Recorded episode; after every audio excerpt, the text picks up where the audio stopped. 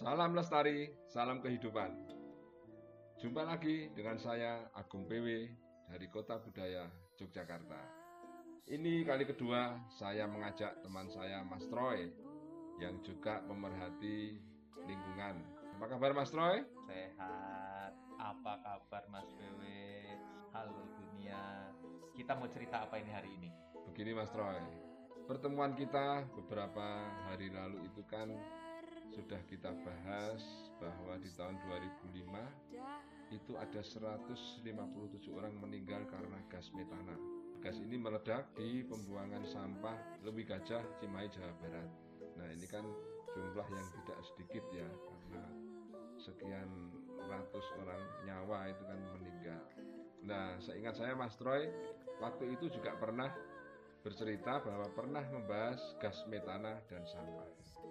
Nah, kira-kira Mas Troy bisa menggambarkan gas metana itu apa dan mengapa bisa seperti itu Mas Troy? Mengapa bisa meledak?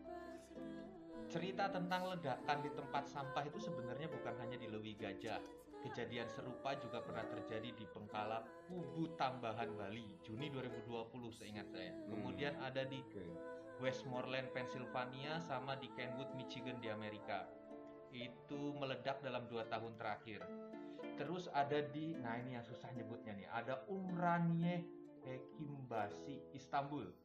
Sekitar Hmm. tahun 93 sama di Mexico City. Juga pernah meledak, itu di 2010. Nah, kira-kira hubungannya dengan gas metana itu apa Mas Troy? Gas metana ini kan selama ini kita kenal paling hanya mengeluarkan bau gitu ya, bau yang nggak sedap gitu Mas Troy. Yang bau itu sebenarnya hidrogen sulfida sama amonia. Hmm. Gas metana tercipta dari proses pengolahan secara biologis yang dilakukan oleh mikroorganisme di tumpukan sampah organik. Proses penguraian sampah organik dari dekomposisi alami di suatu TPA itu bisa ngehasilin 90 sampai 98% metana. Wow. Dan karbon dioksida banyak. ya. Ya.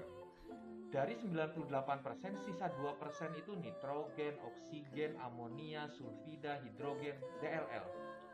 Gas-gas ini diproduksi mencapai puncaknya dalam 5 sampai 7 tahun. Hmm. Nah, dalam Ya, ya. tumpukan sampah yang menggunung itu berarti ada ruang yang terkonsentrasi dan tidak terpapar dengan oksigen.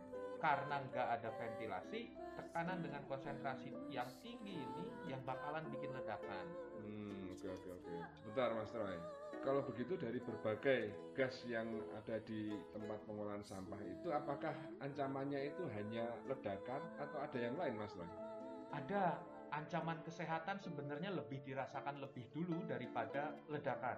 Hmm, Keluhan ya. kesehatan yang paling banyak dilaporin dari warga sekitar tempat pengolahan sampah itu selain bau menyengat tadi ya, Ya, ya. ada iritasi mata, tenggorokan, paru-paru, mual, muntah, Hmm. hidung tersumbat, sulit tidur, penurunan berat badan, nyeri dada, kurang koordinasi, sampai nggak sadarkan diri. Waduh, ternyata ngeri juga ya Mas Troy.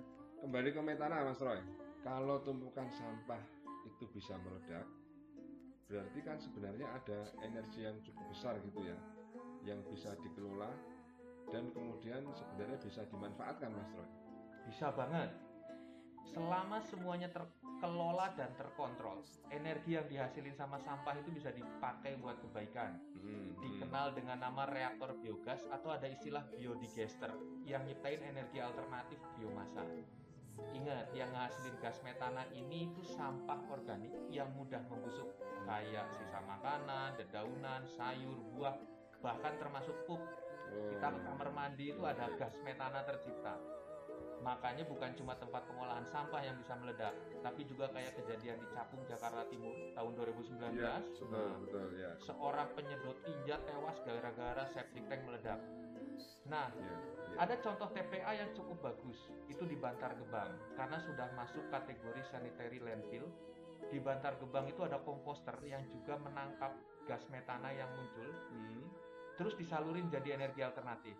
Ada juga contoh lain di Bone, Sulawesi Selatan sama di Hmm. Mundu, Klaten yang manfaatin kotoran ternak segar buat pengganti energi listrik dan LPG.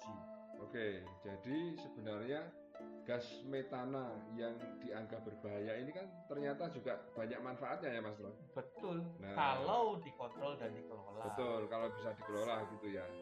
Jadi Sekian dulu. Terima kasih Mas Troy penjelasannya panjang lebar soal gas metana yang ternyata selain dianggap berbahaya, tetapi juga banyak manfaatnya. Terima kasih Mas Troy atas informasinya.